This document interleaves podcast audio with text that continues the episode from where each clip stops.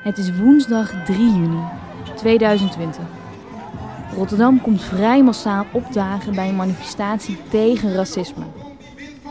Waarom al deze mensen zijn gaan protesteren hoeft niet meer uitgelegd te worden. De verhalen, rapporten, cijfers over racisme, uitsluiting, ongelijke behandeling en onveiligheid zijn niet nieuw. Toch komt dit bij het witte publiek vaak nog niet echt binnen. En geloof mij, ook al maak ik deze podcast, ook ik heb nog een lange weg te gaan.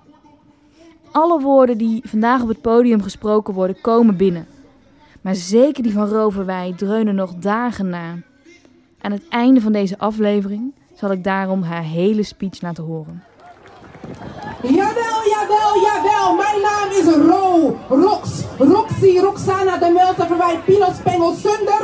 Geboren Rotterdammer en ik ben er trots op. hier, wij staan hier. Because Black Lives Matter. Because Black Lives Matter. We zijn het zat. Ik ben het zat. Ik ben het zat dat mensen die op mij lijken, op jou, op jou, op jou en op jou, anders behandeld worden. Ik ben mens en ik behoor zo behandeld te worden. Because black lives Because black lives matter. Ik sta hier als Rotterdammer. En ik wil tegen jullie, mijn mede-Rotterdammers, zeggen, en alle mensen van overal. Wij zijn de stad van geen woorden maar daden, maar laat dit geen trend zijn. Laat dit geen hashtag zijn. Laten we hier geen mode maken. Maar laten we hier staan, want we weten waarvoor wij staan. We staan hier in solidariteit. Met dingen die gebeuren in Amerika. Maar het gaat niet alleen om de dingen in Amerika. Het gaat om de dingen die hier en nu gebeuren. Dat ik op het internet moet lezen dat, een, dat drie jonge dames, nog niet eens drie dagen geleden, in het park hier in Rotterdam. Hè? Breed zijn behandeld door de politie. Te, te, te huilen. En ik, ik las het vanochtend en ik dacht, wat the fuck? Wat the fuck? Mijn deur doet ertoe. Mijn leven doet ertoe. Ik sta hier niet alleen voor mezelf. Ik sta hier voor jou. Ik sta hier voor mijn moeder. Voor mijn tante. Voor mijn neefjes.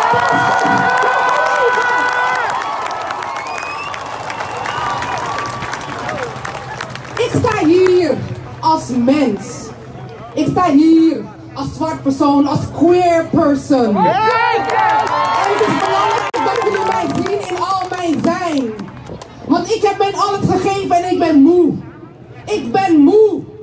Ik slaap al twee weken niet. Ik slaap al twee weken niet.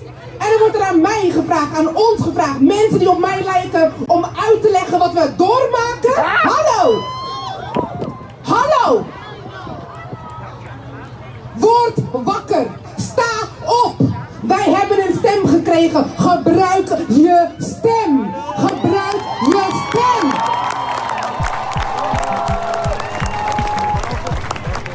Welkom bij Nooit Bewust Opgeslagen, de podcast over het Rotterdam slavernijverleden.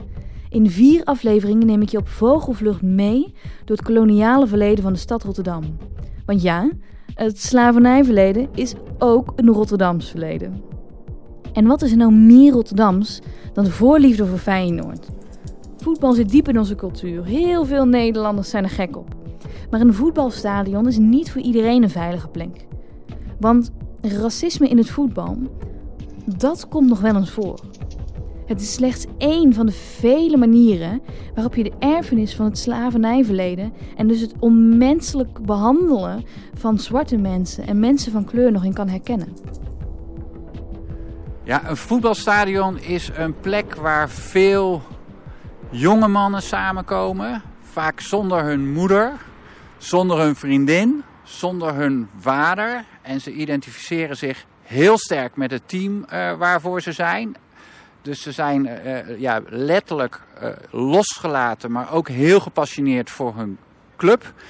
En dan denk je vaak ook niet meer na bij wat je zegt en wat dat misschien met anderen doet. En gebruik je het ook een beetje als een uitlaatklep. Ehm, dus dat komt allemaal samen in de, in de emotie van het moment in een, in een wedstrijd. Ja, ja, Gijs ook, jij bent een historicus en je doet nu onder andere onderzoek naar de historie van voetbal. Kijken jullie ook naar wat voor reacties er worden gegeven als er weer een racistisch spreekkoor was? Ja, dat doen we ook. Ehm, eigenlijk uh, zijn er een paar uh, belangrijke dingen die opvallen. Ehm, het eerste is dat ze zeggen dat het een incident is en dat het niet al veel langer bestaat. Ehm, nou, dat is heel makkelijk te weerleggen. Dus uh, uit recent onderzoek wat wij hebben gedaan blijkt dat sinds 1990 het aantal incidenten dat gemeld wordt in kranten eigenlijk relatief constant is. Dus er zijn hier en daar wat pieken, maar dat neemt niet heel erg toe en het neemt ook niet af. Um, het tweede dat ze zeggen is uh, dat het een uh, kleine minderheid is in het stadion. En dat het eigenlijk geen echte supporters zijn. En dat dat er dan eigenlijk niet meer toe doet. Dus dan maak je je als voetbalorganisatie of als KNVB... voel je je eigenlijk niet verantwoordelijk voor wat daar gebeurt. Want ja, het is een uitzondering. Maar goed, wij laten zien dat het eigenlijk heel structureel is. En elke keer juist wel uh, terugkomt in ons uh, onderzoek. Uh, dus de primaire reactie is heel erg... het is klein... En de andere reactie is, we kunnen er ook niet zoveel aan doen, want die mensen zijn heel moeilijk uh, te traceren. Dus het is eigenlijk een beetje het, het is maar voetbal. Uh, hetzelfde verhaal als het is maar een kinderfeest. Het is maar een grapje dat zo bedoeld is. Het wordt echt een beetje aan de kant geschoven. Nou, dat klopt. Dat klopt helemaal. Daar heb je helemaal gelijk in. Het, het wordt ook in die zin niet uh, echt serieus genomen. Waarbij ik wel moet zeggen dat we nu, uh, anno 2020 lijkt er wel een momentum te zijn. Net als inderdaad met de Zwarte Piet uh, discussie. Dat er wat breder gedragen wordt. Dat we daar wat meer over na gaan denken. Um, en dat we ook aan institutioneel racisme, wat hier natuurlijk aan ten grondslag ligt en wat al een hele lange geschiedenis heeft, ook in Nederland, dat we daar dan ook eindelijk eens iets aan gaan doen. En niet alleen maar in de incidentensfeer. Zijn jullie ook um, voorbeelden wel eens tegengekomen van je denkt, ja maar ik, snap niet dat we, dat we nu niet allemaal zo massaal zijn opgeschrokken hiervan? Uh, nou, er zijn heel veel dingen gebeurd uh, in het verleden waarbij je zoiets uh, kunt bedenken. Ik, in 2016 werd er Kenneth Vermeer, die was van Ajax naar Feyenoord gegaan. En dat werd niet heel erg gewaardeerd in Amsterdam. En die werd als een ja, hangende pop opgehangen, letterlijk, uh, in, in de arena. En ja, ik moest gelijk denken aan het liedje Strange Fruit van Billie Holiday. Van daar hangen echt letterlijk lijken aan. Dat is ook een directe verwijzing naar alles wat met racisme te maken heeft. Een directe verwijzing. Daar hangt strange fruit in de, in, in, in, in de bomen, in dit geval in het stadion. Uh, en dat was ook weer zo'n verhaal wat even heel groot was en iedereen dacht nu nooit meer.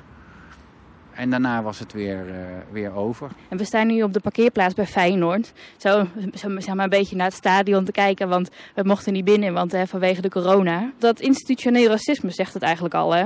Het is niet iets dat alleen maar op de tribunes afspeelt. Nee, helemaal niet. helemaal niet. Kijk, als ik me beperk tot het voetbal, dus de reactie is het is iets van, van supporters. En het is uh, op dat moment ook zo. Maar institutioneel racisme speelt ook uh, binnen de KNVB en binnen het voetbal in het algemeen. Als je kijkt uh, wie, de, wie, de, wie de trainers zijn, die zijn overwegend wit. Als je kijkt wie er in het bestuur zit van een betaald voetbalorganisatie, overwegend witte mannen. En bijvoorbeeld als je hier kijkt naar de jeugdteams, dan zie je dat het bijna allemaal uh, uh, 60, 70 procent gekleurde jongens zijn. Uh, maar de hele organisatie, inclusief de trainers, zijn grotendeels niet gekleurd. Dus daar, dat wordt door allerlei constructies nog steeds in stand gehouden. Ik zie het ook nog niet zo snel veranderen. Um... Nou, Feyenoord is eigenlijk heel sterk uh, in een uh, groot project wat ze, wat ze doen. Uh, niet, niet zozeer tegen racisme, maar ook tegen antisemitisme. Wat natuurlijk ook een, een, een probleem is. Om inderdaad samen met supporters te kijken naar hoe ze dat kunnen aanpakken. En dat begint weliswaar weer bij de spreekkoren. maar doordat ze ook contact hebben gezocht met de universiteit worden ze via mij ook wel uh, uh, geattendeerd op uh, de grotere problemen. En ik denk wel dat dat steeds meer bespreekbaar wordt. maar als je aan mij vraagt of dat volgende week of volgend jaar of over twee jaar veranderd is, dan dat geloof ik niet. kijk, racisme bestaat sinds het begin van de koloniale overheersing. Het hele slavernij is, is daarop gebaseerd. We hebben ook gezien met Zwarte Piet dat het echt wel even duurt. Ehm, en dat zal bij het voetbal ook zijn. Maar ik ben wel optimistisch. Er worden wel echt stappen gemaakt. De onmenselijke behandeling van slaafgemaakte en ook van vrije zwarte mensen en mensen van kleur duurde meer dan 400 jaar. Het is duidelijk dat dit fenomeen, ook in het heden, dan wel in een andere vorm, nog heel erg sterk aanwezig is. Protest hiertegen is alles behalve nieuw. Het is zelfs net zo oud als het slavernijsysteem zelf. En net als nu, bijvoorbeeld bij zaken rondom racisme in het voetbal, verstomde het protest keer op keer omdat het wel gezellig moest blijven. Kom daarom bij Alex van Stipriaan niet aanzetten met het idee van je moet slavernij in de tijdsgeest zien. Daar heeft deze hoogleraar Caribische geschiedenis geen boodschap aan. Ja, ja dat hoor je ongelooflijk vaak. Moet het in de tijdgeest zien en uh, daar wordt altijd aan toegevoegd. En mensen vonden het toen wel normaal, iets heel normaals. Um, dan zeg ik, en dan zeg ik het maar een beetje grof, dat is de grootst mogelijke onzin. Um, ook in die tijd zijn er altijd stemmen geweest die zich tegen slavenhandel, de mensenhandel, uh, hebben gekeerd. Die dat strijdig vonden met het christendom. Uh, later werd daaraan toegevoegd strijdig met hè, het, verlichtingsdenken van uh, we zijn allemaal uh, mensen met evenveel rechten en evenveel menselijkheid. Um, die stemmen zijn ook in Rotterdam altijd gehoord. En soms ook niet eens op basis van een moreel oordeel, maar op basis van slavernij is niet efficiënt. Mensenhandel of de de, de, de arbeid met slaafgemaakte mensen uh, is niet efficiënt. Hè? Bijvoorbeeld uh, um, Hugo de Groot, uh, bekend Rotterdammer. Naam, ja. ja. zijn standbeeld staat aan de Koolsingel. Um, en dat is niet voor niks. Um, dus ook een grote, bekende Nederlander. die keerde zich op juridische gronden en morele gronden tegen de slavernij. Daarbij had hij het over de slavernij in de oudheid, want dat was de literatuur waar hij vertrouwd mee was. Maar het werd op dat moment gezegd in de 17e eeuw en op dat moment uh, verkondigd. Dus um, dat soort grote mannen uh, heeft toen al begin 17e eeuw um, zich uitgesproken tegen de slavernij. En dat is eigenlijk nooit opgehouden. Er zijn periodes geweest dat die stemmen, althans dat de sporen daarvan die we nu kunnen terugvinden, uh, wat minder lijken te hebben geklonken. En um, periodes dat dat toeneemt, zoals in de loop van de 18e eeuw. En dan hoor je het voortdurend. Maar uh, zo zijn er bijvoorbeeld ook altijd predikanten geweest, weten we in ieder geval van Nederland, allerlei plekken in Nederland, die uh, daartegen gepreekt hebben. Dus iedere zondag, uh, of verschillende zondagen, konden mensen in de kerk horen: slavernij, mensenhandel is strijdig met uh, het christendom. Um, dus dat, dat is één kant van de zaak. Was het normaal dat mensen niet beter konden weten? Nee, mensen konden wel beter weten, want er waren meer dan genoeg stemmen uh, die zich daartegen keerden.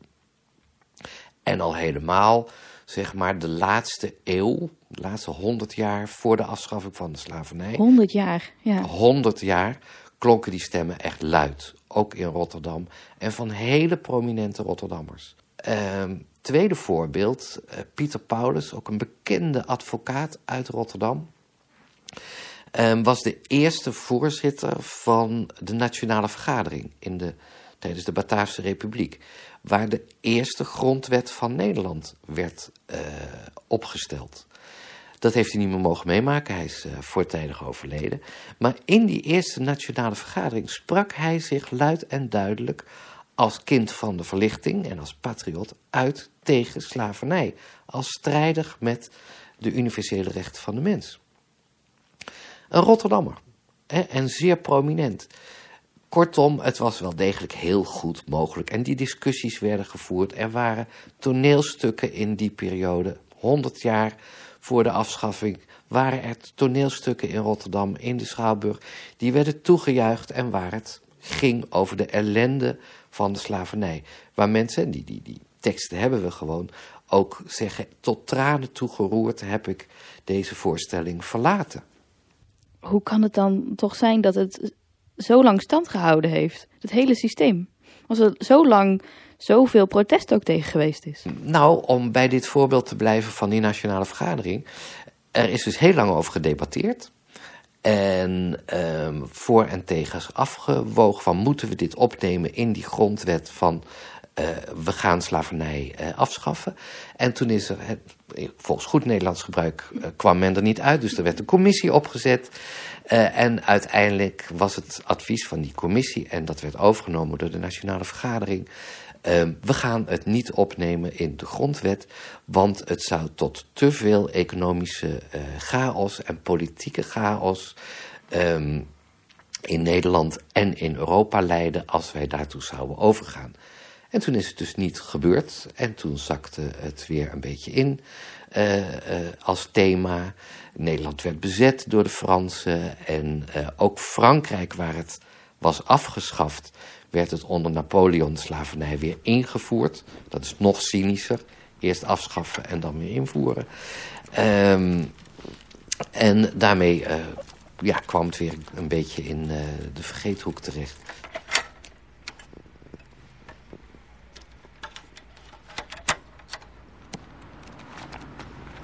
Zo, daar gaan we weer. Nu op pagina. Ja, op pagina 117 van de gids Slavernijverleden Nederland gaat het over de Rotterdamse vrouwenpetitie. Als locatie hebben we de Engelse kerk St. Mary's Church aan de Pieter de Hoogweg gekozen. De kerk is van de vorige eeuw, maar herinnert wel aan een bijzondere tijd. Namelijk de tijd van 1840-1853. Rotterdamse vrouwen liepen in deze tijd voorop in de Nederlandse anti-slavernijdiscussie. Ze waren geïnspireerd door de Engelse Quaker Elizabeth Fry. De Nederlands-Engelse dames, want dat waren er toch vaak, startten een petitie. En stuurden deze naar koning Willem II met het verzoek de slavernij af te schaffen. De petitie ging vooral in op dat het slavernijsysteem niet opging met het christelijke geloof. En ook pleitte ze specifiek voor vrouwen. Ze schreven bijvoorbeeld... Als vrouwen zouden wij bij uw majesteit in zonderheid ten gunste der slavinnen willen pleiten. Want op haar drukt de slavernij dubbel zwaar. Nou, koning Willem II was stom verbaasd. Zoiets had hij nog nooit ontvangen. En dan ook nog eens van vrouwen.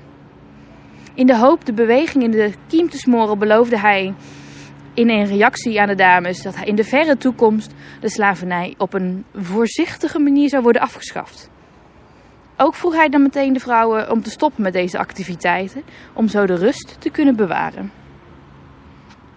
Als je de pagina omslaat, kom je op bladzijde 119. En dan zie je daar de locatie van Wima Sanga. Het is gevestigd aan de Rouwenhofstraat 39 in Rotterdam-West. Dus dat is een klein stukje fietsen. En daar ga ik dus nu naartoe. Ik heb ook een afspraak met de huidige voorzitter.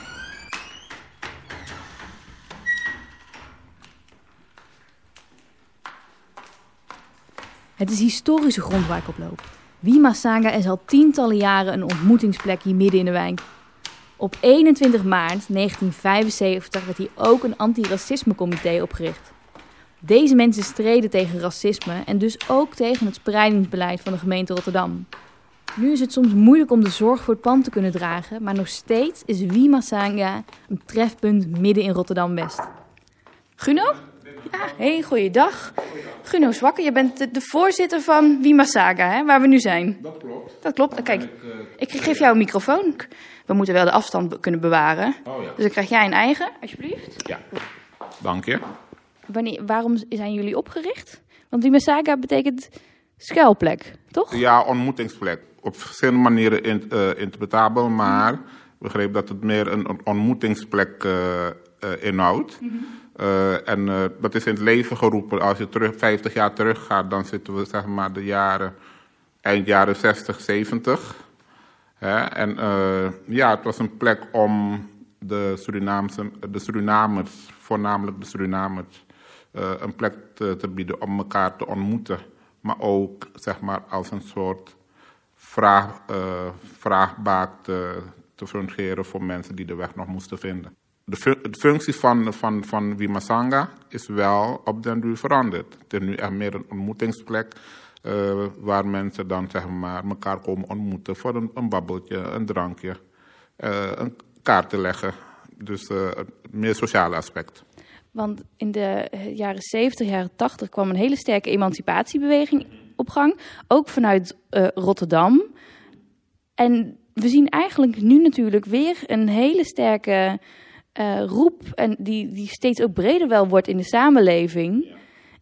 Denkt u dat, dat die periode waar we nu in zitten, met al die protesten, ook in Nederland, hè, dat dat, dat, dat, dat een, een verschuiving teweeg gaat brengen? Nou, ik denk, ik denk dat mensen natuurlijk ook bewuster worden en, en, en, en, en Nederland ook echt als hun land gaan zien.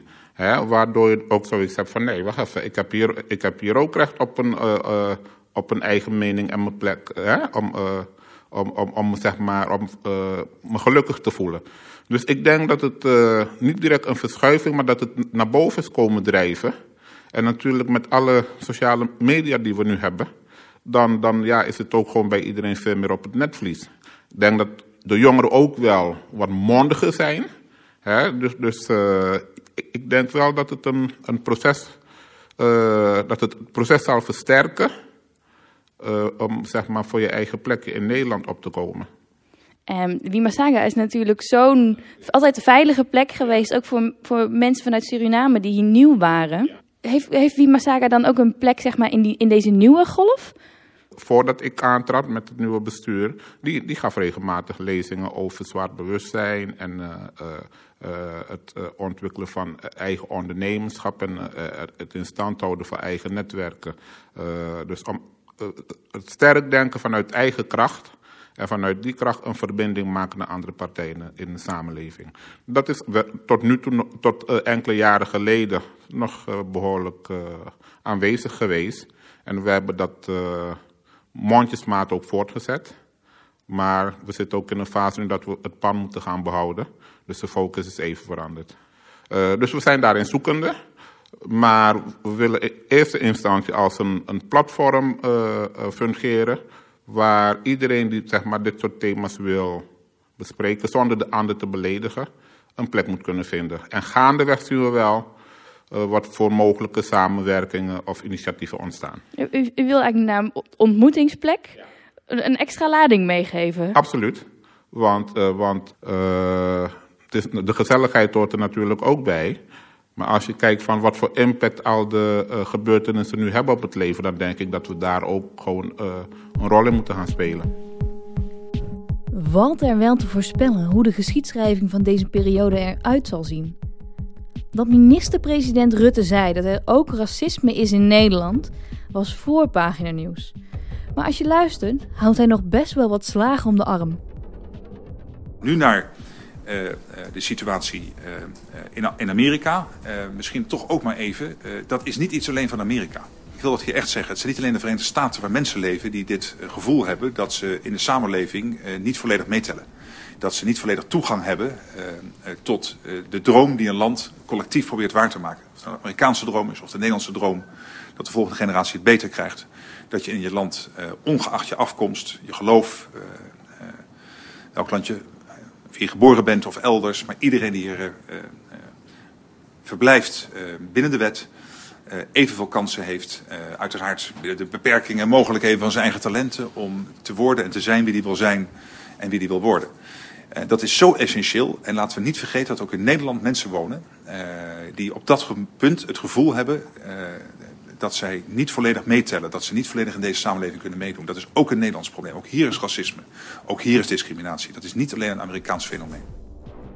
Hoe denkt Charles Landvreugd dat deze huidige tijd van antiracisme-protesten over de hele wereld de geschiedenisboeken in zal gaan?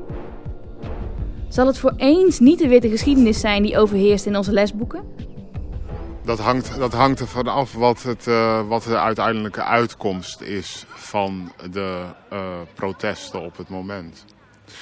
Maar ongeacht de uitkomst van de protesten is het wel zo dat uh, er meerdere geschiedenissen naast elkaar staan. Kijk, toen ik klein was, was er geen zwarte geschiedenis. Ja, ik had geleerd dat Afrika, dat men daar niet kon lezen, niet kon schrijven en dat er geen beschaving was. Ja? Nu is er internet. Nu weten we dat er koninkrijken en uh, keizerrijken waren. En dat um, uh, de enige reden waarom uh, Europeanen naar Afrika gingen, is omdat ze hadden begrepen dat daar heel veel goud was. Ja? Koning Mansa de rijkste man die ooit heeft geleefd. We horen hier heel de tijd kinderen spelen. Dit zijn echt nog jonge kinderen. Ja, leuk hè? Ja, het is echt alles door elkaar. Hoe gaan zij dit leren op school? Dat moeten we, daar moeten we nu voor zorgen dat ze dit goed leren. Kijk, wat, er, wat effectief aan de hand is wereldwijd, is dat witheid zichzelf begint te begrijpen als een etniciteit en niet als de standaard. He, dit is even belangrijk. En dat is een pijnlijk proces. Dat is een pijnlijk proces. En uh, uh, zwarte mensen, mensen met een, met een migratieachtergrond, weten hoe pijnlijk dit proces is. Omdat wij dit al hebben meegemaakt toen we 6, 7, 8 jaar waren. Zoals het deze kinderen zijn die hier nu spelen. Dit zijn gewoon kinderen en op een gegeven moment komt er een opmerking, gebeurt er wat, word je op een bepaalde manier behandeld. Uh, en dat is dan structureel. En dan ineens denk je, eerst denk je dat het aan jezelf ligt. Hè, want kinderen die zijn in die zin, ja, kinderen zijn kinderen. En op een gegeven moment kom je erachter dat het is omdat je bruin bent. Of omdat je Aziatisch bent. Of omdat je ouders Turks of Marokkaans zijn. He? En dan word je ineens word je iets gemaakt waarvan je niet wist dat je het was. Dus nu moeten we die geschiedenislessen gaan aanpakken? Nou, we moeten die geschiedenislessen gaan aanpakken. En, wat, om terug te komen op mijn punt, ik snap de pijn die zeg maar witheid ervaart wij hebben dit ook meegemaakt. Iedereen, alle andere mensen hebben dit meegemaakt. Dat ze door witheid iets anders gemaakt zijn dan dat ze dachten dat ze waren. Dus als witheid zich begrijpt als een etniciteit, dan kunnen wij dus ook op een goede manier deze kinderen onderwijs geven. En op het moment dat je het dan hebt over de geschiedenis, dat is witte geschiedenis. Dat is allemaal prima. Snap je? Witte geschiedenis. Op het moment dat je het hebt over witte geschiedenis, als we zeggen, uh, uh, uh, we, waren, we hebben de 17e eeuw, de Gouden Eeuw gehad, ja, daar zijn we heel trots op. Ja. Dan mag je er ook rekenschap aan geven dat je als heel klein land een ontzettend groot aandeel had in de slavenhandel. Relatief. Ja. Dan kun je zeggen, wat een ondernemingszin. Hè? Dat is ook vaak gezegd. Ja, dan kun je zeggen, wat een ondernemingszin. Maar die ondernemingszin ging wel gepaard met uh, ontzettend veel leed. Hè? Het gaat hand in hand. Het is niet het een of het ander. Het is, het is, het is, het is, ja, het gaat hand in hand. En het leed wat veroorzaakt is, dat is onderdeel van die ondernemingszin. Ja, dus als we nu naar de, naar de toekomst gaan kijken. Ja, je hoort, de hele wereld is, zegt, ja, de wereld is veranderd. We hadden corona, we hebben nu dit. Het is een wake-up call. Maar tegelijkertijd wordt ook gezegd, we moeten waken dat, dat het nu niet, weet je, dat het weer vergeten wordt. Dat het weer een trend was. Nou ja, het is een wake-up call voor witte mensen. Wij wisten het al lang. Dat is het. Snap je? Wij wisten het al lang. Kijk, we zijn hier, uh, laten we het over Nederland hebben. Niet over Europa, niet over de wereld. Nederland. Nederland is mijn land.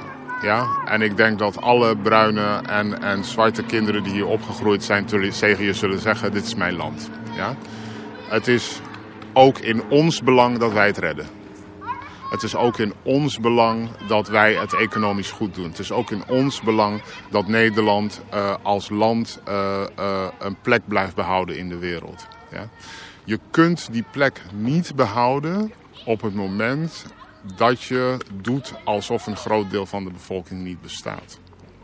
Ja? Dus hoeveel zwarte en bruine kinderen krijgen niet de kansen die ze zouden kunnen krijgen, of zouden moeten krijgen, en hoeveel talent gaat daarmee verloren? Ja? Hoeveel intellect gaat daarmee verloren? Hoeveel uitvindingen worden er niet gedaan, omdat zwarte en bruine mensen niet de, de, kans krijgen om zeg maar, hetgeen wat ze kunnen te laten zien? Dat al deze kinderen dezelfde kansen krijgen. We, laten we al deze kinderen hier kijken. We weten niet welke van ze briljant is. We weten niet welke van ze de, de, de oplossing voor uh, of het medicijn voor aids gaat ontwikkelen. Dat weet je niet. Het kan die Marokkaanse jongen daar zijn. Het kan die Aziatische jongen daar zijn. Het kan dat blonde meisje daar zijn. We weten het niet. We weten het niet. Dat kun je niet weten op voorhand. En als je dat niet doet, dan verlies je. Je ziet ook alle bedrijven, als we het puur economisch bekijken... Hè, want we zijn uiteindelijk toch, uh, hoe heet het, een land van uh, geld verdienen. Met name geld verdienen over andermans rug. Daar zijn we heel goed in. maar um, bedrijven waar, uh, die gemixt zijn... Ja, dus waar de leiding of waar beslissingen genomen worden... waar er een mooie verhouding is tussen man en vrouw... En een mooie verhouding is tussen allerlei etniciteiten die doen het beter. Dat is gewoon heel simpel. Je ziet het overal. En waarom doen die het beter? Omdat je verschillende perspectieven ziet. Kijk, als de minister-president zegt van ja, sommige mensen hebben... Dan heb ik zoiets van gast, je hebt het gewoon helemaal niet begrepen. En hij heeft het niet begrepen omdat hij er nooit last van heeft gehad. Hij heeft er nooit last van gehad. En als je ergens nooit last van hebt gehad, dan kan het dus ook niet in je gedachten opkomen dat dat mogelijk een probleem is. Terwijl als je mensen in je team hebben, hebt die het wel hebben meegemaakt, die kunnen je erop attenderen van luister dan, dit is een probleem. Is er ook nog iets anders, zeg maar, als, als, als laatste vraag, dat je, dat je mee wil geven zo voor, voor dit verhaal, voor deze podcast? Nou, omdat het over Rotterdam gaat. Kijk, ik had liever. Uh, ik had nog met Sanne van Heeswijk, de kunstenares. maar toen gebeurde de, de corona, zo hadden we nog bedacht dat we Rotterdam uh, uh, onafhankelijk zouden verklaren. ja. ja gewoon een stadstaat ervan maken. en waarom? Omdat uh, uh, Rotterdam is het soort stad waar je een beleid op moet voeren wat alle inwoners meeneemt. Rotterdam is ook de stad waar als er onrust zou komen, dan gaat het ook hard. Maar tegelijkertijd denk ik niet dat het ooit echt uh, etnisch gewelddadig zou worden omdat we allemaal met elkaar opgegroeid zijn. Maar het protest kan wel heel luid zijn. Dat kan wel heel luid zijn. Dat denk ik dat dat hier, uh, hier wel uh, kan gebeuren. Um, ja, ik, ik, ik ben het wel mee eens. Uh, met de hele quote. Omdat het, Rotterdam is in die zin best wel een vreemde stad. Het is een van de meest, zo niet de meest diverse stad van Nederland. Uh, ik geloof meer dan 50% of om en nabij de 50% mensen van niet-westerse immigratieachtergrond. En uh, we hebben best een rechtsbestuur. Um, in Europa wordt ook gekeken, tijdens, uh, als er verkiezingen zijn, naar wat gaat Rotterdam doen. Omdat um, het heel vaak uh, heeft, uh, als er een nieuwe rechtse partij komt, vindt hij heel vaak steun hier in Rotterdam. Dus het klopt. Um, het, als het ergens zou mis zou gaan, zo'n protest, als, mensen, als het zou clashen, dan zou het hier best wel hard gaan. Ja, want Elvin Richters, jij bent een van de organisatoren geweest van de manifestatie die hier was. We staan nu op het Leuvenhoofd en we kijken naar de Erasmusbrug. Dus je, je kan hier in Rotterdam ook een heel ander geluid horen dan het rechtse. Want het stond hier op het Leuvenhoofd stond het vol, het stond dat plein stond vol, de brug stond vol. Daarom uh, was het uh, zo'n uh, mooie, een hoopvolle dag. Um, het stond hier echt helemaal vol. Um, uh, daar was ik echt blij om, omdat je dan ook ziet dat je ziet uh, uh, dat ja, mensen het ook wel zat zijn. Er is, mensen nemen, nemen de ruimte en nemen hun plek in om te tonen, emotie te tonen. Maar het is ook heel empowerend en hoopvol. want je zag dus ook over de hele lijn heen. Je zag ook witte mensen, je zag mensen vanuit, vanuit de islamitische cultuur. Uh, die zag je ook een solidariteit tonen.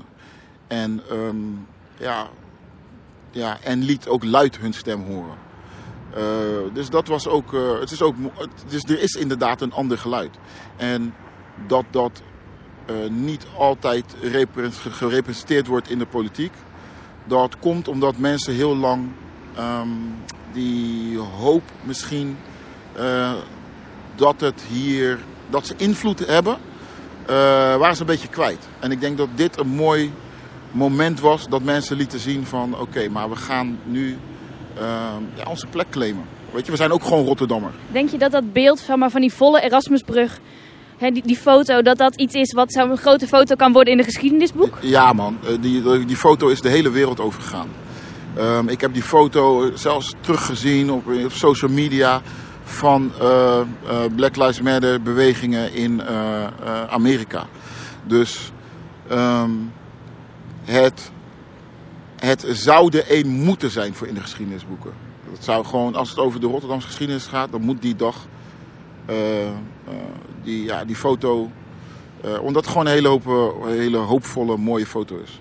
De geschiedenis is nogal wit. Het zijn witte bronnen. Het wordt vaak onderzocht door witte mensen. Vaak nog witte oude mensen die misschien wel alle feiten boven tafel krijgen. Maar zo is het natuurlijk toch niet helemaal een Rotterdamse geschiedschrijving. Omdat Rotterdam juist niet alleen maar zo eruit ziet. Ja, klopt. Uh, uh, ja, precies. Weet je, Rotterdam is een, een, een, daarom is dat ook, ook vreemd. Weet je. En um, als het gaat dus over de geschiedenis. Uh, hoe, de, hoe de geschiedenis vertelt. Speelt een hele belangrijke rol in waarom we nu zijn waar we zijn. Waar, we, waar veel van de. Um, um, waar een groot probleem is. En een groot probleem is ook uh, een grote uitdaging is om dat op te lossen. Want de geschiedenis moet vanuit meerdere perspectieven verteld worden. Uh, um, weet je, iemand heeft ooit gezegd: de waarheid bestaat niet, bestaat alleen perspectief. Dat weet ik niet. Maar ik denk wel als je die meerdere perspectieven laat horen, dat je dan wel bij een verhaal komt dat het dichtst bij de waarheid is. En inderdaad, nu is het heel erg vanuit een wit perspectief. Ook een heel erg mannelijk perspectief moet ik zeggen. Want ook als het gaat over um, uh, bewegingen die nu opstaan, grassroots movements, uh, dan um, wordt de stem van de zwarte vrouw die daar een hele grote rol in speelt, blijft ook trouwens vaak uh, onbenut. Dus bij deze. Dus als ik nou kijk naar, naar het Rotterdam-onderzoek dat er aankomt later dit jaar, wat over het slavernijverleden gaat van de stad Rotterdam, ik denk zeg maar, dat er heel veel feiten over, daar hebben we dan heel veel van gehoord in de podcast. Heel veel feiten boven tafel over de economie. Over dat Rotterdam er vanaf, al vanaf het begin bij was. Eerste moment. Dat migratiestromen echt onderdeel altijd zijn geweest van de stad. Uh, en dat is dan toch voornamelijk een wit onderzoek. Maar ik zie het dan als een begin. Denk je dan dat de politiek zeg maar, hier dan verder in zou moeten gaan om een volgend onderzoek, als dat er zou komen, het huidige bestuur is er misschien niet altijd helemaal voor, maar dat daar dan een, een andere tak, een andere groep voor wordt gevraagd om dat onderzoek te doen? Um, absoluut. Maar um, kijk, ik heb altijd ik heb een dubbel gevoel bij, met, onderzoek. Onderzoek uh, is goed, omdat je uh, uh, cijfers liegen niet, zeggen ze. Maar um, er is natuurlijk wel zoiets als een wetenschappelijke bias. Dus degene die het onderzoek doet, um, dat kan wel enige manipulatie in de cijfers, daar kan daar wel voor zorgen. Voor een vertekend beeld, laat men het zo zeggen. dus inderdaad, het is de zaak dat men ook als het gaat om onderzoek, dat men de stemmen van kleur en de zwarte stemmen dat, dat ze die naar voren schuiven uh, om dat onderzoek te doen. Omdat zwarte mensen en mensen van kleur brengen ook met hun, ervarings, met hun ervaringen uh, heel veel eigen kennis ook mee. Um, wat wel zo is, kijk, vanaf mijn jeugd, um, vanaf de basisschool vanaf de basisschool, vanaf dat ik op de basisschool en de middelbare school zit, ken ik die onderzoeken al. Ik herinner me echt iets van, uh, ik denk een jaar of twintig terug, misschien nog iets twintig terug, herinner ik me dat ik een column ooit heb geschreven voor een uh, lokale krant. En dat ging over um, dat um, allochtonen werden uh, achtergesteld op de arbeidsmarkt. Nou, ik heb datzelfde onderzoek in iets andere bewoordingen vorig jaar weer gehoord. Ja, een, een, witte, een witte man die uh, krijgt nog een witte man met strafblad krijgt nog eerder een baan dan uh, een zwart persoon zonder strafblad. Het zijn gewoon hetzelfde onderzoeken. Dus na 20 plus jaar van dat soort onderzoeken. En misschien wel meer, ja. Precies. Is het gewoon zaak dat politiek gewoon overgaat tot een actieplan. En ik ondertussen, na uh, uh, wat tien jaar activisme, ben ik ook niet meer zo naïef om te denken dat de politiek niet weet wat ze moeten doen. Ze, hebben, ze weten waar ze die kennis kunnen vinden om uh, tot actie over te gaan. En ze weten, ze weten wel um, um, dat uh, ook vanuit de politiek, ook vanuit die instituten, dat zij veel racistisch beleid voortbrengen. Dus ik denk dat ze wel weten wat ze zouden moeten doen om daar een einde aan te maken. Uh, dus ja, onderzoek, maar ik wil echt, het is nu al tijd dat we weten, dat, we, dat we te horen krijgen dat men gaat zeggen en open kaart gaat spelen van oké, we gaan dit en dit en dit doen dat ik dit ook op mezelf betrek. Ik was wel zo naïef. En dan ben ik een witte journalist-historicus die meer weet dan gemiddeld van andere witte journalisten over dit verleden. Uh, maar ik was wel een van die naïeve journalisten die anders had gevraagd: ja, maar hoe ervaar jij racisme? Terwijl, dat is want, want het is zo'n basisjournalistiek principe van: ah, er is iets met een groep en dan gaan we vragen: ja, hoe gaat het nou? En ik stond nou ja, daar hier op het Leuvenhoofd bij het Rotterdam-protest. Uh, toen ik Roverwij op het podium hoorde zeggen. Uh, en dan gaan ze aan mij vragen hoe ik me voel. En ik voelde me zo, zeg maar, een soort van wakker schrikken. Van ja, dit is wat journalisten doen. Maar dit is dus ook wat, jij zegt, politici doen. Wat, is, wat iedereen doet van, oh, telkens zeg maar zo'n beetje van, oh, oh, dit was dus niet goed. Maar eigenlijk wist je dit wel? Want ik hoor al jaren mensen vertellen dat het een trauma is. En ik zou iemand die zelfmoord heeft gepleegd ook niet zomaar op afstappen met... Hey, trouwens, wil jij je trauma even op tafel leggen? Precies. En um, een hoop van de mensen, uh, een hoop van de zwarte mensen... die op al die demonstraties door het hele land kwamen... die zeiden dat ook, van ik ben moe. Niet alleen moe van het strijden, maar ook moe om over mijn gevoel te praten. Want uh, daardoor, um, kijk, als we, het, als we het gesprek blijven houden bij gevoelens en dat, het, dat men doet, blijft doen alsof het gaat over pijn, dan uh, ben ik ook een soort van afhankelijk van de empathie van witte mensen voordat het stopt. En dat op zichzelf houdt al een een ongelijkwaardige relatie in stand. Oh, ik heb pijn en um, um, ik ben afhankelijk van jouw medelijden om dit te stoppen. Nergens in de geschiedenis kan iemand mij aanwijzen waar grote misstanden zijn opgehouden gewoon doordat iemand het zielig vond. Door de empathie van de ander.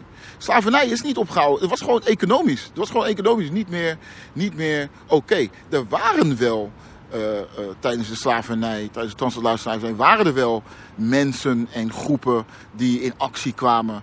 Uh, die zeiden van, oh ja, het is inhumaan. Maar dat is niet de reden dat het gestopt is.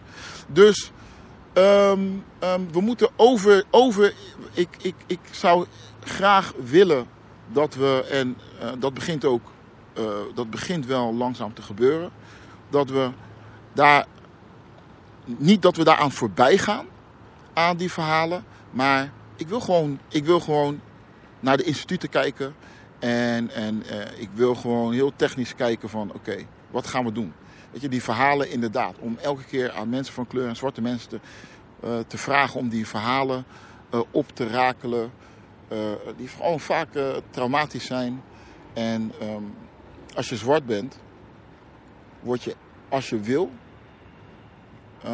elke dag geconfronteerd met beelden van geweld op zwarte lichamen. Op social media. Uh, ook hoe daarmee omgegaan wordt, is ook heel dubbel. Weet je, we kennen de beelden van George Floyd.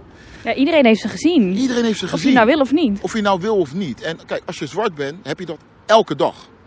En je kan je afvragen of aan de ene kant uh, is, zijn dat die beelden over de wereld gaan, zijn uh, voor een hoop zwarte mensen uh, een, een redding geweest.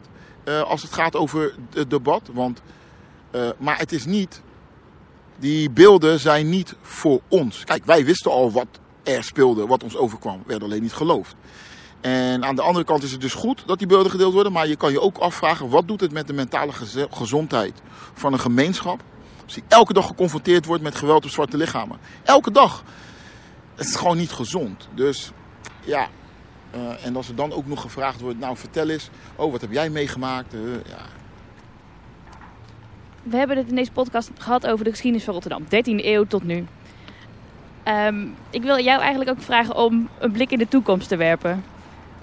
Wat denk je dat misschien wat een volgend hoofdstuk zeg maar zou kunnen zijn in deze geschiedenis?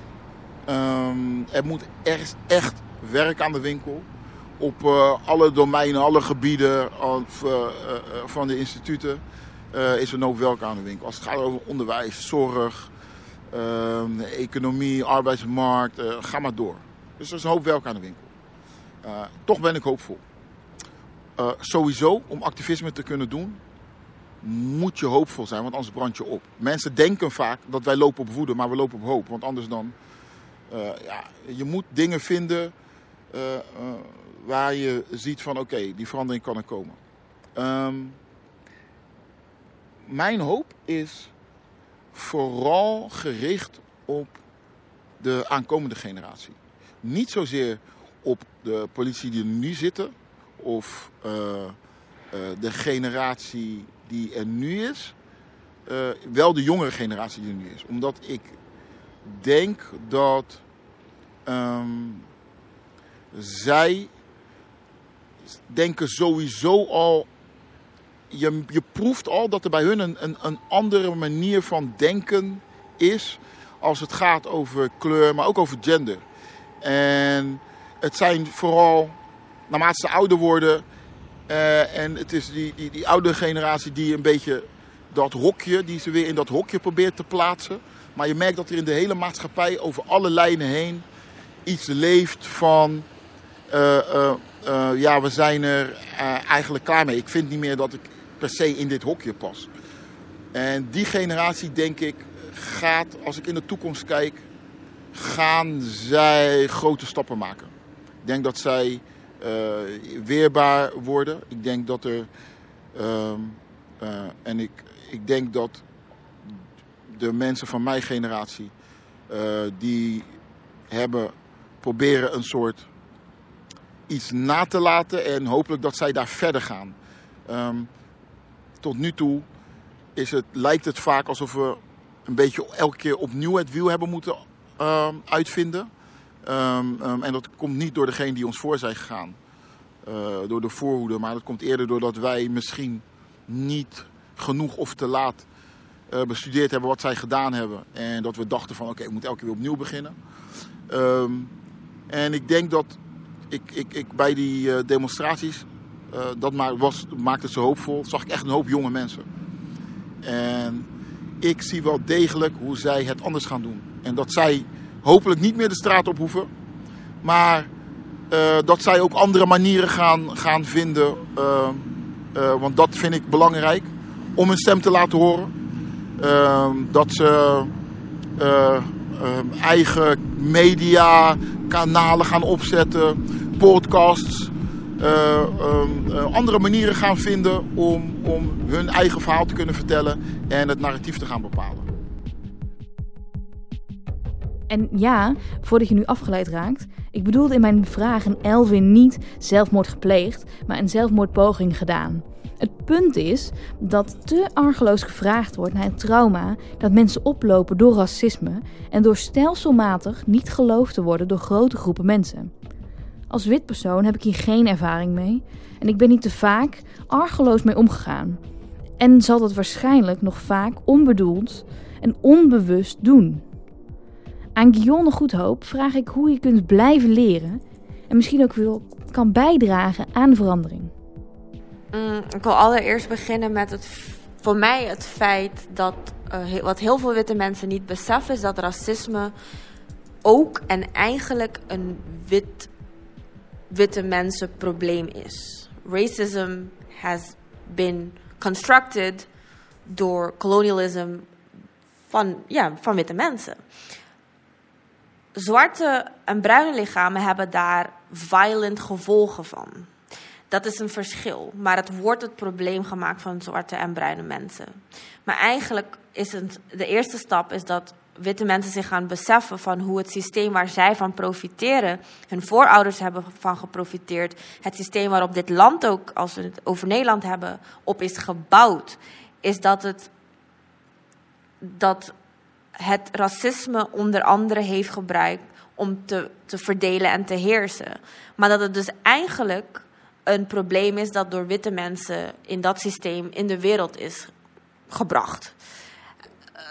Dat is waar ik mee wil beginnen hierin, om, om te zeggen daarover. Um, dat is heel macro gezegd en uh, heel systemisch, maar ik denk dat we altijd daar moeten beginnen, omdat we in het dagelijks leven vaak zien hoe mensen uh, op hun, ik noem het even zo, op hun tenen getrapt zijn of ongemakkelijk voelen. En dat zijn hele menselijke reacties. Dus dat, dat is te begrijpen, maar het, het, uh, waar het uh, problematisch wordt en ook um, violent is als witte mensen of mensen met. Ja, als het, ja, witte mensen die van dat systeem profiteren, blijven hangen in ongemak, in shit, doe ik het goed of niet goed. Um, en dus hun mond blijven houden, betekent dat dat er constante violent dynamics tegen zwarte en bruine lichamen um, en alles in dat spectrum van alle andere intersecties die daarmee te maken hebben, blijft, blijft in gang, blijft, blijft gewoon in, ja, wordt in stand gehouden. Um, en dat is iets dat ik um, belangrijk vind om te benoemen. Um, want je kan als wit persoon, moet je ergens beginnen en je moet het hebben, ja, kijken naar je eigen koloniaal verleden, misschien je familie of, of in het land of in de stad uh, waar je in bent geboren.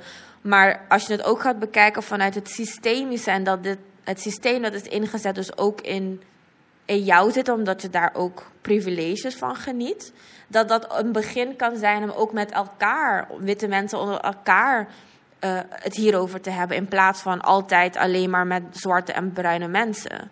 Um, want daar wordt er heel veel labor vaak van gevraagd. Onbewust door deze dynamieken waar ik het net over had. Dus ik denk dat um, dat, dat iets heel belangrijk is. Dat witte mensen zichzelf daarvan bewust zijn. Van wat voor dynamieken en onbewuste dynamieken dus zitten ook in hunzelf verscholen. En hoe hoe ontmantel je dat? Ja, door met elkaar te praten, door te lezen. En dan niet direct naar je eerste beste bruine of zwarte vriend, vriendin, partner, neef, whatever te gaan. Um, of collega. Maar gewoon onder elkaar het daarover hebben. Um, maar we leven ook in een systeem dat die blinde vlek juist vaak in stand kan worden gehouden door het privilege. Dus dat zijn de dynamieken waar je gewoon op systemisch niveau heel erg bewust van moet zijn, denk ik. Je hebt zelf een taak. Je moet niet die, die last neerleggen bij iemand anders. Want er is natuurlijk gewoon best veel te vinden als je googelt. Of als je op uh, sociale media de, de, verschillende mensen volgt die hier actief in zijn. Mm -hmm. Klopt. Um, resources zijn er genoeg. Um, en dat is niet alleen maar als je het hebt over racisme, maar ook bijvoorbeeld over genderbinariteit en hoe um, we omgaan met queer people in deze samenleving. Daar wordt er ook bijvoorbeeld in geotherd. Maar als je als uh, cis-persoon bent, uh, leeft in dit leven, heb je ook een privilege. Omdat wat er op jou geprojecteerd wordt, in die zin is hoe je je voelt. Maar wat als dat niet zo is? Um, daar vinden ook vormen van ontmenselijking in plaats en, en mensen die worden gedood daardoor. Uh, bij transvrouwen of transmannen. Daar hebben we het ook niet over. Weet je, ik benoem dit omdat dit dynamieken zijn die we nog steeds um, doen met z'n allen. Zeg maar. maar als we het puur hebben over het stuk racisme, um, zijn dit de dynamieken waar ik het net over had wel belangrijk en de basis om mee te beginnen. Um, en ik denk dat wat ik heel veel om me heen hoorde dan trek ik het meer vanuit mijn eigen context en persoonlijke wereld. Is dat de witte mensen om mij heen dan ook eindelijk zich gaan beseffen wat voor. Niet vanuit belichaming of, of, of ervaring, omdat dat niet kan.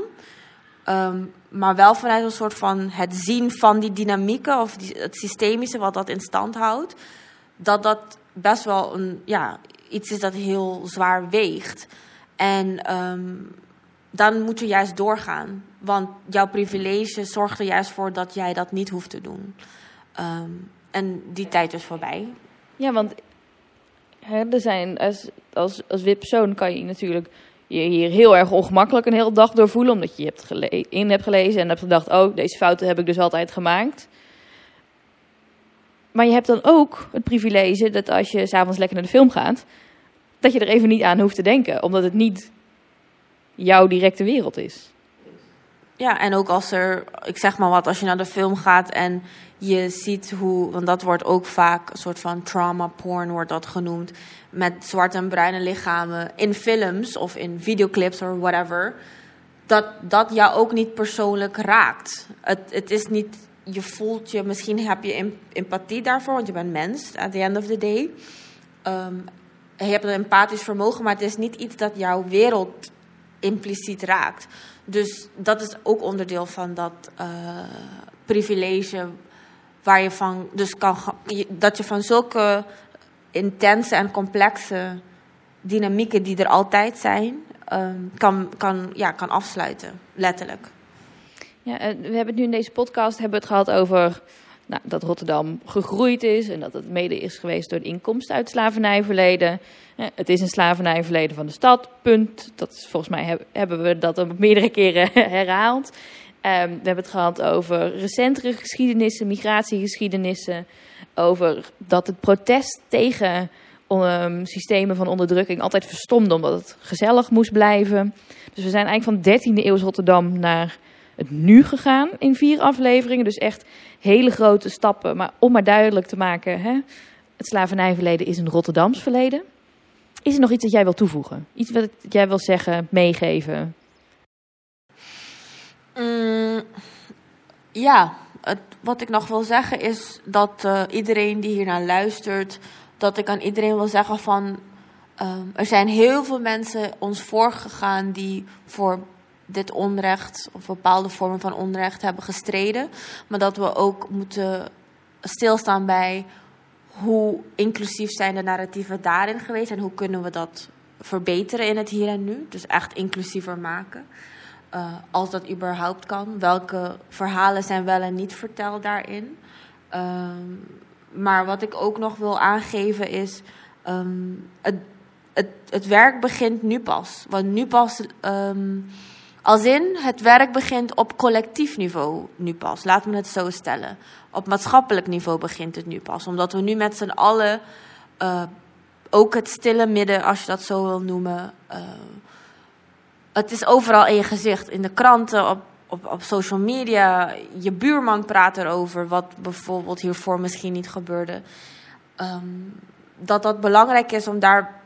Ja, there's no way back. Het, werk begint nu pas. Dus ga voor jezelf ook na van hoe draag jij bij aan het in stand houden van bepaalde uh, violent systems die je um, ja, uitdraagt naar anderen. Um, denk na voordat je iets zegt.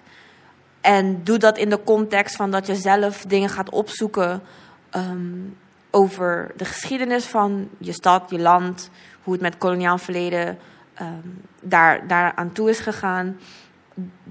Vraag jezelf, stel jezelf kritische vragen af. In de context van je eigen onderzoek die je doet van de privileges die jij geniet. En alleen op die manier, samen met dat we dat in, het, ja, in de maatschappij met z'n allen moeten doen, komen we verder. Iedereen met een privilege hoort te praten daarover. En in die zin toegankelijk te worden, of uh, toegang vrij te maken voor resources, voor bewustzijn, um, voor nieuwe initiatieven die uh, iedereen voor, vooruit helpt. Maar daar, daarvoor moeten we echt bij onszelf beginnen en onszelf hele kritische vragen stellen. Dit was de podcast Nooit Bewust Opgeslagen. En als we onszelf kritische vragen gaan stellen, wie vindt het slavernijverleden een niet bewust opgeslagen verleden? Jij misschien? Of jij misschien juist niet? Het is zoals Charles Landvreugd zei. Voor witte mensen zijn de berichten over racisme en over het slavernijverleden misschien nieuw, maar andere mensen wisten beter. Witte mensen, en ook ik had dus de luxe, het privilege om hier niet bewust mee op te groeien. En dus ook om deze geschiedenis niet terug te zien in mijn eigen stad. Het slavernijverleden is verweven met de Nederlandse geschiedenis. En dus ook met Rotterdam. Het is een geschiedenis van ons allemaal. Van jou, van jou, van jou en ja, ook van jou. Het is van ons allemaal. In vier afleveringen heb je nu een introductie gehad in deze Rotterdamse geschiedenis. We werkten terug van de geboorte van de stad naar het heden. Rotterdam groeide en groeide en het slavernijverleden is onderdeel geweest van die groei. Ik hoop dat je Rotterdam voortaan met andere ogen bekijkt. Dat je de slavernijgeschiedenis van de stad een beetje beter kan zien.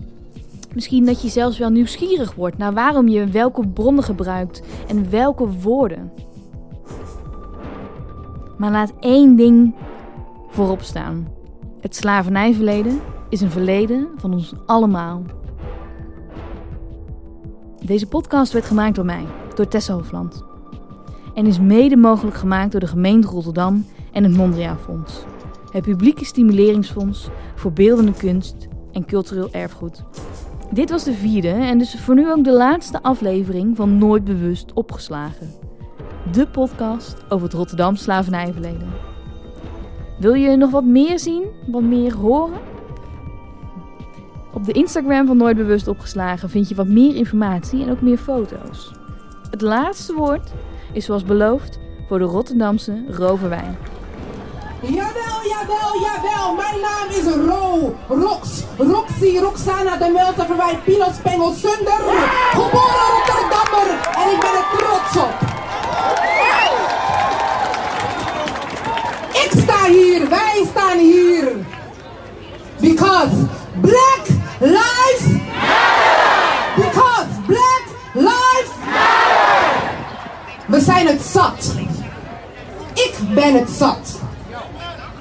ben het zat dat mensen die op mij lijken, op jou, op jou, op jou en op jou, anders behandeld worden. Ik ben mens en ik behoor zo behandeld te worden. Because black lives matter. Because black lives matter.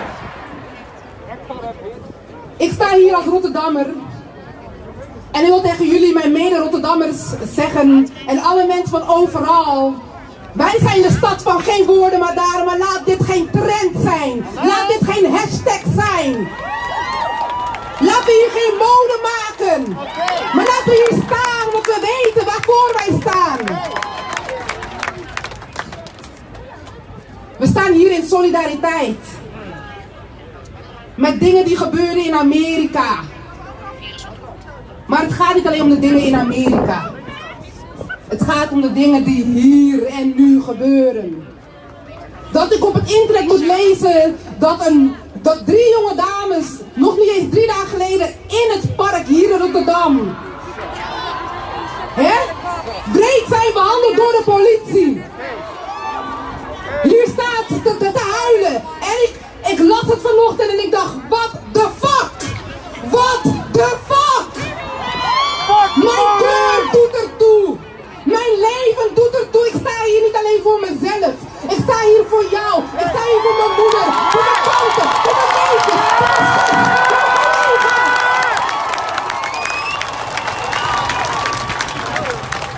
Ik sta hier als mens. Ik sta hier als zwart persoon, als queer person. En het is belangrijk dat jullie mij zien in al mijn zijn. Want ik heb mijn alles gegeven en ik ben moe. Ik ben moe. Ik slaap al twee weken niet. Ik slaap al twee weken niet. En er wordt er aan mij gevraagd, aan ons gevraagd, mensen die op mij lijken, om uit te leggen wat we doormaken. Hallo! Hallo! Word wakker. Sta op.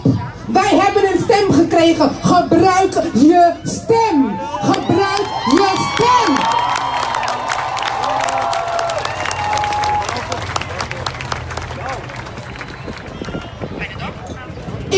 Hier. Want Black Lives Black Lives Ik sta hier ook als kunstenaar. En waar waren al die culturele instellingen? Waar waren zij? He, dat jonge mensen, dat jonge acteurs en actrices moeten, moeten vertellen waarom ze niet hun stem gebruiken. Maar ze gebruiken ons wel voor dat diversiteitspotje. Huh? Huh? Ze krijgen geld voor ons. Maar zodra wij dingen willen maken mensen die lijken op ons, dan krijgen we geen geld uit datzelfde potje.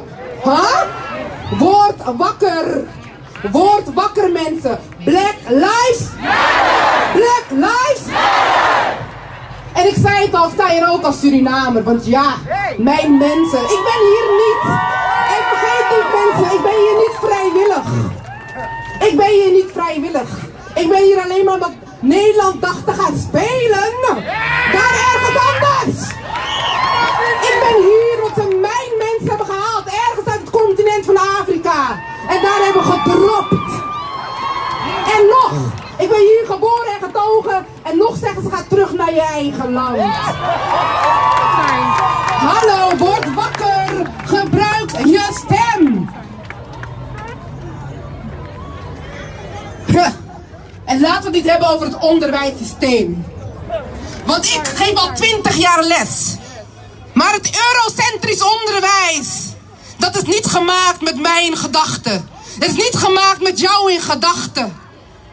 Wat wil je? Wat verwacht je van ons? Mensen die op mij lijken in al mijn facetten.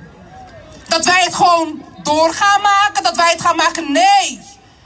Je denkt niet aan ons. Wij ook, wij in het onderwijs, wij hebben gefaald. Wij hebben onze neefjes en nichtjes en zonen en dochters gefaald. We moeten verandering brengen. Gebruik je stem. Gebruik je stem. Cause black lives. Black lives. En als laatst, maar zeker niet het minst. En ik zeg dit als laatst, omdat wij altijd het laatste de aandacht krijgen. Ik sta hier als queer person. Als queer person of color. En nu spreek ik dan ook gelijk de stad Rotterdam toe. Omdat ik hier sta als zwarte Rotterdamse queer person. Waar zijn onze safe spaces? Waar zijn de plekken waar we zijn, waar we kunnen zijn? Waar zijn de plekken waar wij kunnen ademen? Because I can't breathe. I can't breathe. We can't breathe. We can't breathe. We can't breathe. We can't breathe. We can't breathe. We breathe. Laat dit geen trend zijn, mensen. Laten we hier niet staan te doen alsof. Nee, nee, nee, nee. Laten wij stappen maken. En ik heb het niet alleen maar over hen. Ik heb het ook over ons. Want we worden toch verdeeld. Laten we staan voor onszelf. Laten we uniten. Cause black lives matter. En hier staat een van die dames die onterecht is mishandeld door onze mensen die ons moeten beschermen. Laten we haar applaudisseren. En laten we haar een stem geven.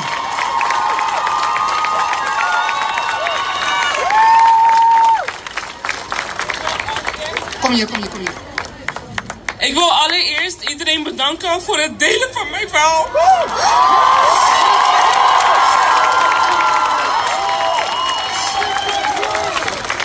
Ik zag er volgens hun verdacht uit. Ik heb helemaal niks gedaan. Ik was... Tijdens het picknicken moest ik alleen plassen. Ik wil eigenlijk aan iedereen aan de zijkant alsjeblieft vragen... om alsjeblieft hier weg te gaan, zodat wij verder kunnen gaan. Ons verhaal moet allemaal gehoord worden. Wij zijn niet gehoord. Als ik zo verdacht ben, waarom mag ik geen aangifte doen tegen de politie? Doen tegen de politie? Wanneer zie ik er niet verdacht uit? Wat heb ik gedaan? Niks. Niks. Niks. Wij doen niks. Wij willen leven. Wij verdienen het om te leven. Jawel, jawel, jawel. Mijn naam is Ro. Rox. Roxy, Roxana de Melter Verwij, Pino Spengel Sunder. Geboren Rotterdammer. En ik ben er trots op. hier. Wij staan hier. Because black lives Because black lives We zijn het zat. Ik ben het zat. Ik ben het zat dat mensen die op mij lijken, op jou, op jou, op jou en op jou, anders behandeld worden. Ik ben mens en ik behoor zo behandeld te worden. Because black Because black lives! Ik sta hier als Rotterdammer. En ik wil tegen jullie, mijn mede-Rotterdammers, zeggen. En alle mensen van overal. Wij zijn de stad van geen woorden, maar daarom. Maar laat dit geen trend zijn. Laat dit geen hashtag zijn. Laten we hier geen mode maken. Maar laten we hier staan, want we weten waarvoor wij staan.